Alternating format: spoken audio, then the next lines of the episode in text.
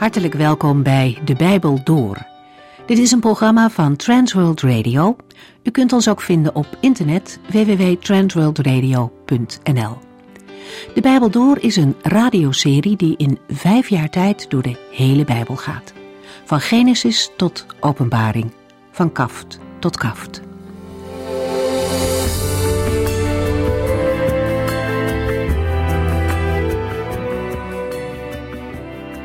Vandaag lezen we weer verder uit het boek Jezaja.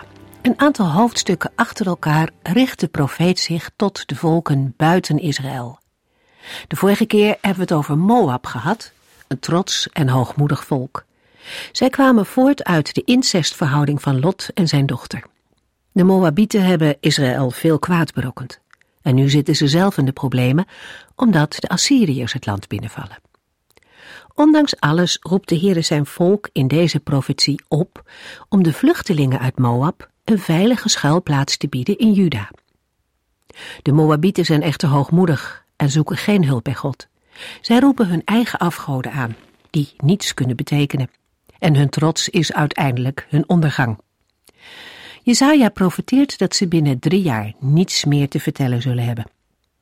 Het punt waar het altijd steeds om draait is, waar zoeken mensen hoop als alles om hen heen instort? Blijvende redding is alleen bij de God van Israël te vinden. Wie trots is en niet voor deze God wil buigen, zal uiteindelijk vernederd worden. Maar wie bereid is zichzelf te vernederen, zal verhoogd worden. Jesaja 17 gaat verder met een profetie over Syrië en het tienstammenrijk Ephraim. Het lezen van deze gedeelte laat zien dat de wereldgeschiedenis niet bepaald wordt door zichtbare grootmachten. Het is God zelf die de leiding heeft. Machtige en dreigende volken betekenen niets voor de Heere. In een tijd die zo dreigend was voor Juda, mocht Jezaja hen aanmoedigen om toch vooral die Heere God die hen zou bevrijden, te blijven zoeken. En ook wij. Wij hoeven ons ook niet ongerust te maken als we horen wat er allemaal in de wereld gebeurt. Er is meer. De Heere zelf staat boven aan het rumoer van de volken. Het is ook veilig om op Hem te vertrouwen. Zelfs al zien we de uitkomst nog niet, we kunnen gerust op Hem wachten. In hoofdstuk 18 heeft Jezaja een woord over Ethiopië, of in elk geval een land ten zuiden van Egypte. Aan het eind van de oordeelsprofetie zien we dat mensen uit dit land hun geschenken aan de Heere brengen, als teken van onderwerping. Het is een vooruitblik naar de verre toekomst, wanneer de Heere zal regeren. Maar al eerder zoeken mensen uit dit Afrikaanse land de Heere God. Denk maar aan de kamerling uit Handelingen. We lezen verder en beginnen met Jesaja 19.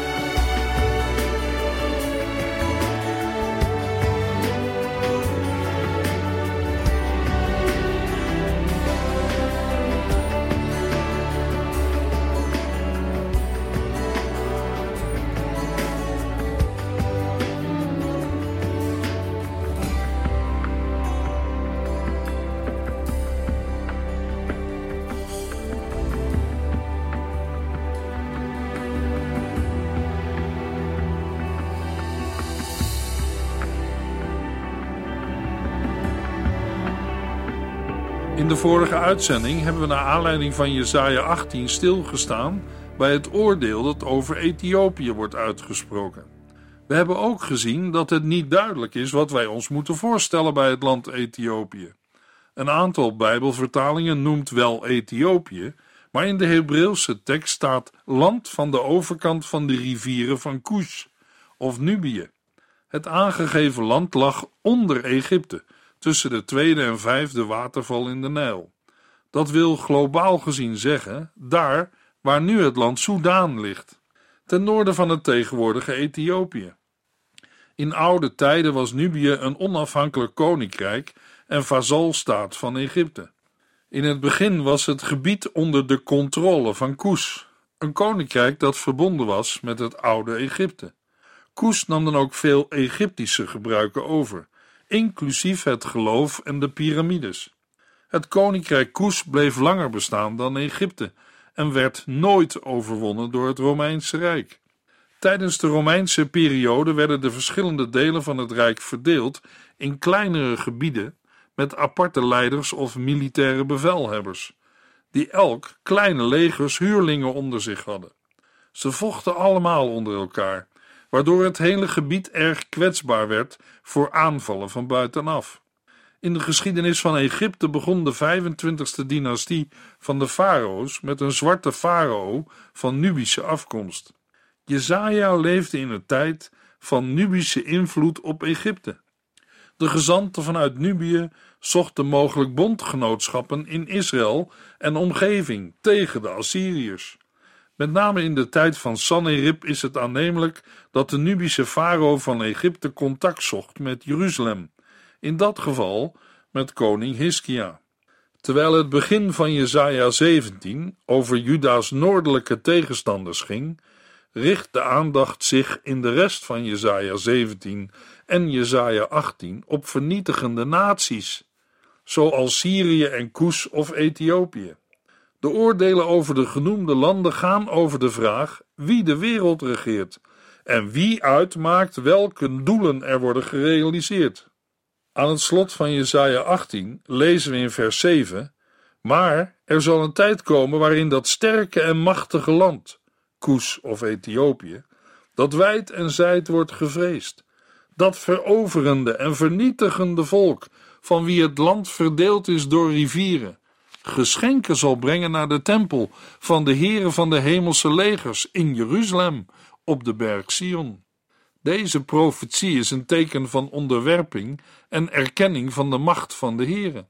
Juda hoeft geen geschenken naar Nubië te brengen, maar de tijd zal aanbreken dat de Nubiërs geschenken naar Sion brengen.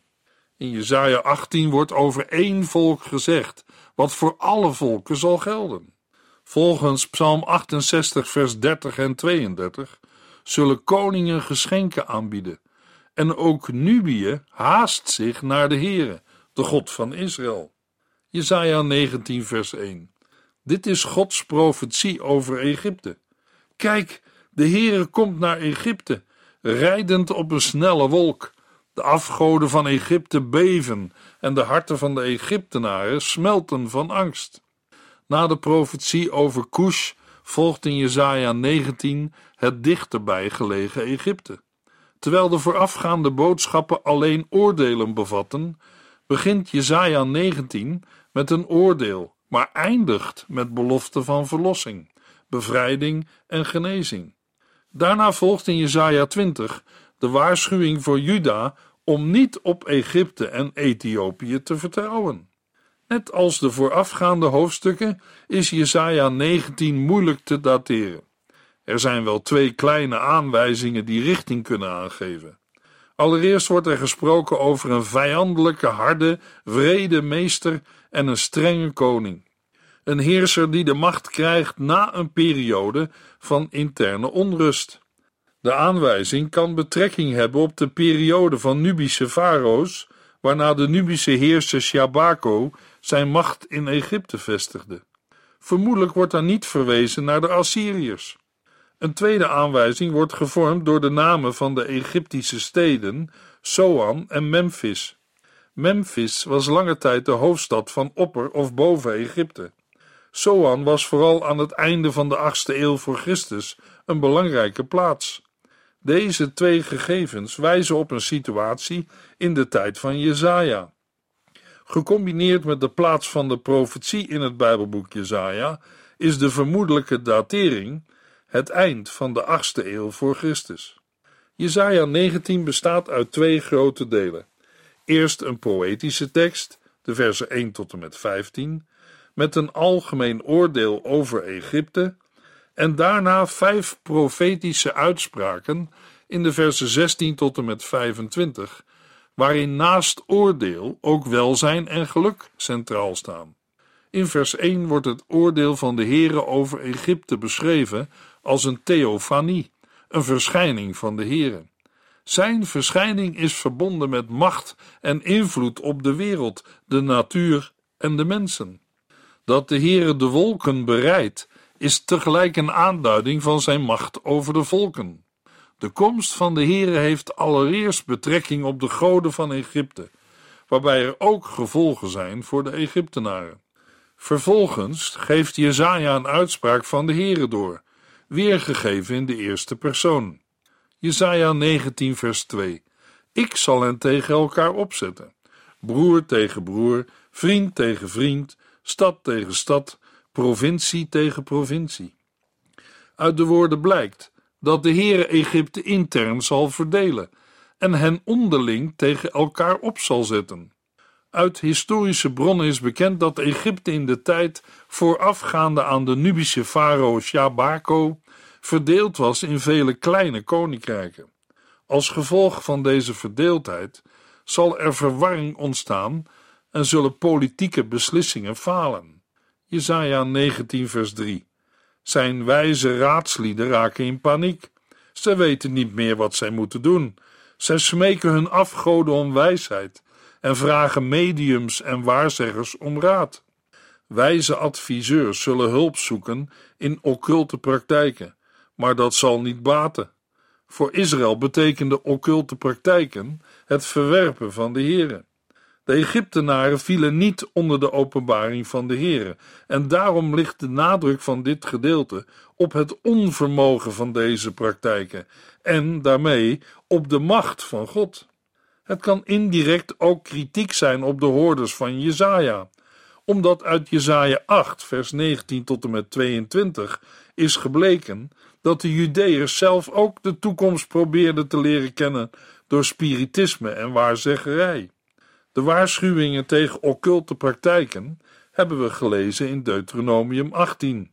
Het past bij wat de apostel Paulus in Romeinen 1 zegt. Romeinen 1 vers 21 tot en met 23. Hoewel de mensen in staat waren God te kennen, wilden zij hem niet de eer geven die hem toekomt en hem niet eens danken voor alles wat hij heeft gedaan. Zij hielden zich met allerlei ideeën bezig. In hun verdwazing raakten zij het spoorbijster. Hoewel zij dachten dat ze alles wisten, waren zij in werkelijkheid dom. In plaats van de eeuwige God te eren, maakten zij afgodsbeelden van sterfelijke mensen, vogels, zoogdieren en reptielen. Jesaja 19 vers 4 Ik zal Egypte overleveren aan een harde, vrede meester, aan een strenge koning, zegt de Heere God van de hemelse legers. Uiteindelijk zal een machtige koning over Egypte gaan heersen. Een dergelijke machthebber is een uiting van Gods toorn over Egypte. Vers 4 wordt afgesloten door woorden die vaker een profetie inleiden of besluiten. Wie precies de harde en vrede meester is geweest, is niet met zekerheid in de geschiedenis vast te stellen. Jesaja 19 vers 5 tot en met 10 Het water van de Nijl zal niet meer stijgen en het land overspoelen. De rivierarmen zullen uitdrogen en de bevloeiingskanalen zullen stinken naar rottend riet. Alle groen langs de rivieren zal verdorren en verwaaien. De gewassen zullen verdrogen, alles gaat dood. De vissers zullen zuchten en morren, omdat zij niets te doen hebben. Zij die met haken en netten vissen vangen, zullen zonder werk zitten. De wevers zullen geen katoen hebben, omdat de oogsten mislukken. In deze verse worden problemen omschreven die zich voordoen met de Nijl. Het laat Gods macht over de Nijl zien. Door het oordeel van de Heere zal de Nijl niet voldoende overstromen om het land vruchtbaar te maken, en daardoor raakt de Egyptische samenleving ontregeld. De Nijl werd in Egypte gezien als een geschenk van de goden, en droogte werd geïnterpreteerd als teken van de boosheid van de goden. Eerst wordt het droogvallen van de Nijl zelf beschreven, en daarna volgen meer details. De rivierarmen gaan stinken en de bevloeiingskanalen in de Nijldelta vallen droog, met als gevolg dat de rietvelden gaan rotten en doodgaan. Dat zal weer invloed hebben op de akkers langs de Nijl. Het opdrogen van de Nijl heeft niet alleen gevolgen voor de natuur, maar ook voor de bewoners. De beroepsvissers zitten zonder werk en ook de mensen in de textielindustrie hebben geen werk meer. Egypte had een opmerkelijke textielindustrie waarbij de fabrikage in verschillende processen was onderverdeeld. Dat verklaart ook waarom Jezaja hier verschillende beroepsgroepen noemt. Jezaja 19 vers 10 hooggeplaatsten en gewone arbeiders, allemaal zullen zij radeloos en moedeloos zijn. De ontstane situatie zorgt voor sociale onrust. De opsomming wordt met een algemene omschrijving besloten, waardoor het ingrijpende karakter van de ramp wordt benadrukt. Allemaal zullen zij radeloos en moedeloos zijn. Jesaja 19 vers 11 De raadgevers van Zoan zijn erg onverstandig. Zelfs hun beste raad aan de koning van Egypte is fout en onverstandig. Zullen zij blijven pochen op hun wijsheid? Zullen zij de farao durven wijzen op de generaties van wijze mannen waaruit zij zijn voortgekomen? Door het hiervoor uitgesproken oordeel kennen de leiders van het volk het besluit van de Heer over Egypte niet. Daardoor dwalen zij en zijn erg onverstandig. De wijzen van Soan worden neergezet als dwazen, omdat ze geen rekening houden met de Heere en met de toekomst die hij voorzegt. In Egypte zijn het vooral de priesters en de wijzen die de toekomst voorzeggen. De stad Soan komt vaker in de Bijbel voor. De stad wordt ook wel Tanis genoemd en ligt in het noordwesten van de Nijldelta. Vanwege de status van deze stad kan de Nijldelta het veld van Soan genoemd worden, in de Hebreeuwse tekst van Psalm 78. In de periode vanaf de 21ste dynastie was Soan de hoofdstad van de farao's.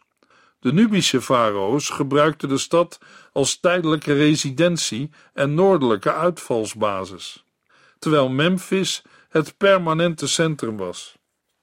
Jezaja noemt de stad omdat de farao daar resideerde, of omdat het de stad was waar de raadgevers woonden die adviseerden over betrekkingen in het oosten. De raadgevers zijn groot geworden in de Egyptische wijsheid, en dat maakt hen onterecht zelfverzekerd als zij de farao aanspreken. Jesaja 19, vers 12 tot en met 15. Wat is er gebeurd met uw wijze adviseurs, farao? Waar is hun wijsheid gebleven? Als zij werkelijk wijs zijn, laten zij u dan vertellen wat de Heere met Egypte gaat doen. De wijze mannen uit Zoan zijn verdwaasd, en die uit Memphis zijn gewoon verwarde bedriegers. Zij die Egypte moesten leiden, brachten het op een dwaalspoor. De Heere heeft hun denken vertroebeld, zodat Egypte ten val komt. Egypte wankelt als een dronkaard die nauwelijks op zijn benen kan staan. Egypte is onmachtig, haar daadkracht is verdwenen Niemand kan haar de goede weg wijzen. Jezaja spreekt beeldend door zich nu direct tot de farao te richten. Door middel van een retorische vraag zegt de profeet dat de raadslieden van de farao, ondanks hun wijsheid, niets weten over de besluiten van de Here. In vers 13 zegt de profeet nog een keer dat de wijze mannen van Soan en Memphis of Nof dwazen zijn. Memphis is de Griekse naam voor Nof. De stad ligt aan de westkust van de Nijl, ongeveer 20 kilometer ten zuiden van Caïro. Memphis wordt gezien als de eerste hoofdstad van het Verenigde Egypte, gebouwd door koning Menes. In Memphis bevinden zich ook graven van farao's. In 670 voor Christus is de stad veroverd door de Assyriërs. De stad wordt ook meermalen door de profeten genoemd. In het slot van vers 13 verbreedt het perspectief zich naar heel Egypte. Zij die Egypte moesten leiden, brachten het op een dwaalspoor.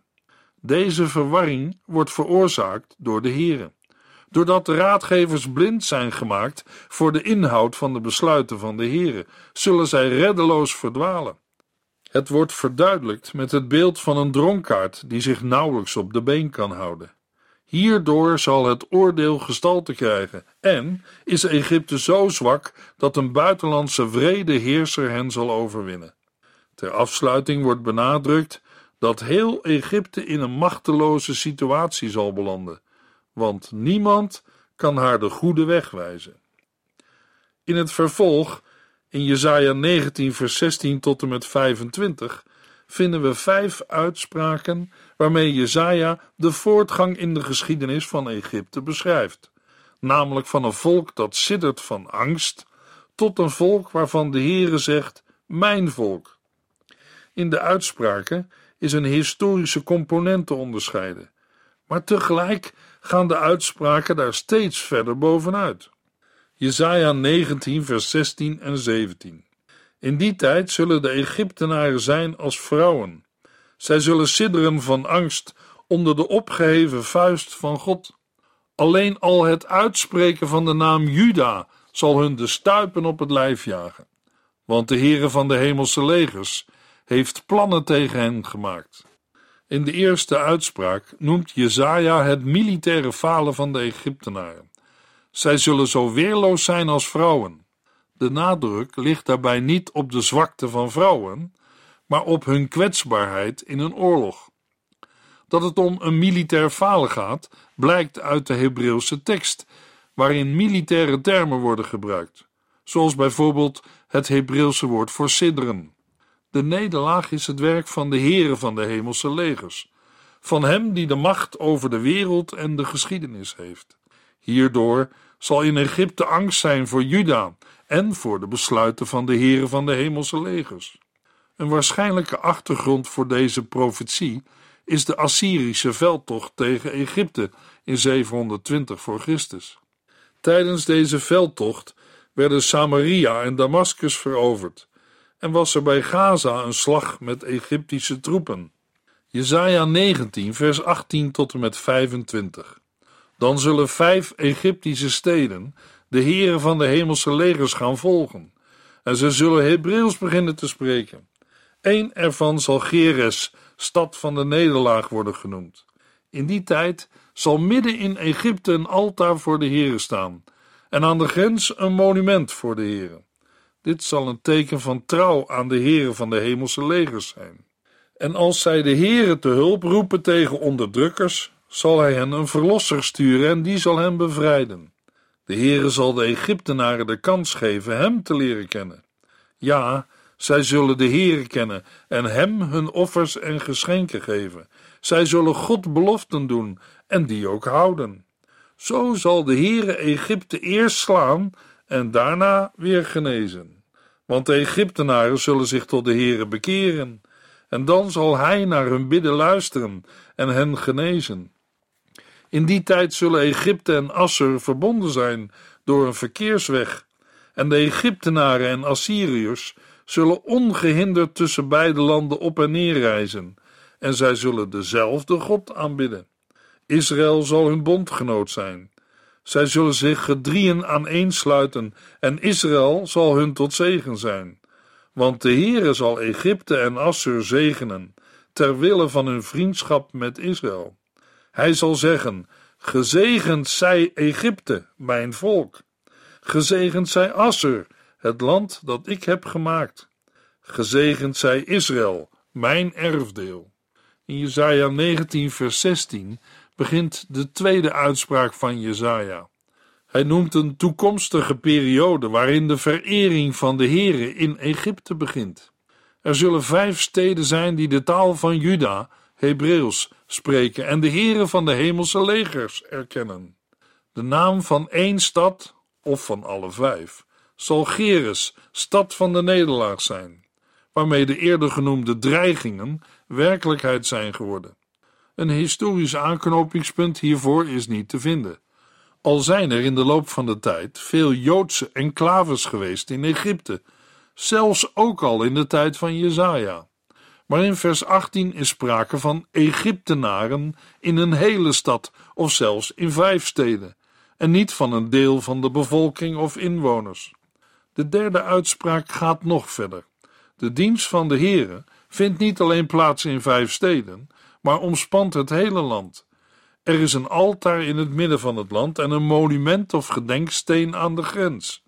Het zijn tekenen van onderwerping aan de God van Israël, die herinneren aan zijn heerschappij over het land.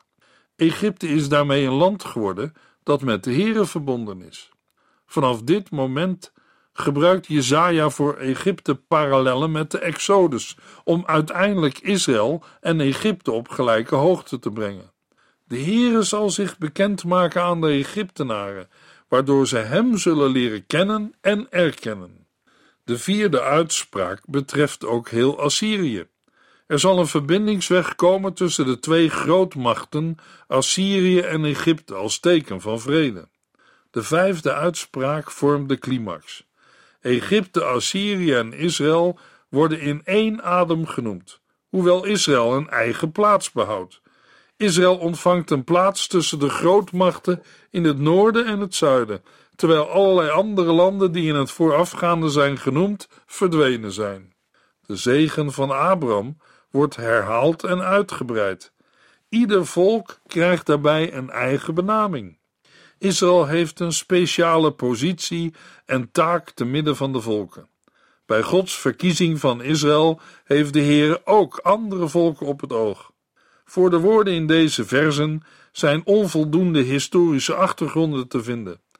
De vervulling van de profetie kan in de geschiedenis niet worden aangewezen en moet daarom in de toekomst worden verwacht. We gaan verder met Jesaja 20. Jesaja 20 is een sobere vertelling. De historische gebeurtenis met betrekking tot Asdod en de opdracht die Jesaja krijgt, vormen de inleiding. Jesaja 20 vers 1 en 2. Trek uw profetenmantel en uw sandalen uit en blijf zo rondlopen. Jesaja dient in zijn symbolische handeling als voorbeeld voor de volken Egypte en Ethiopië die gestraft zullen worden. Jesaja 20 vers 3 tot en met 6. Het gevolg zal zijn dat de volken in het kustgebied inzien hoe machteloos die twee volken zijn. De symbolische handeling maakt duidelijk dat de ballingen van Egypte en Ethiopië, net als Jezaja, naakt en ongeschoeid zullen moeten lopen. Ze zullen worden vernederd. Het Verenigde Rijk van Egypte en Ethiopië, dat door omringende landen als machtig en onneembaar wordt gezien, zal niet bestand blijken tegen de legers van Assur. In deze profetie blijkt dat de Heer ook te maken heeft met de handelingen van brute machthebbers in veroveringen en wegvoeringen. De profeten interpreteren hun eigen tijd, maar geven ook Gods plannen voor de toekomst aan, met de bedoeling dat de hoorders daarop zullen reageren. Mensen zullen in hun vertrouwen op aardse machten beschaamd uitkomen. De indirecte boodschap is daarmee: vertrouw op de Heere. In de volgende uitzending lezen we Jesaja 21 en 22.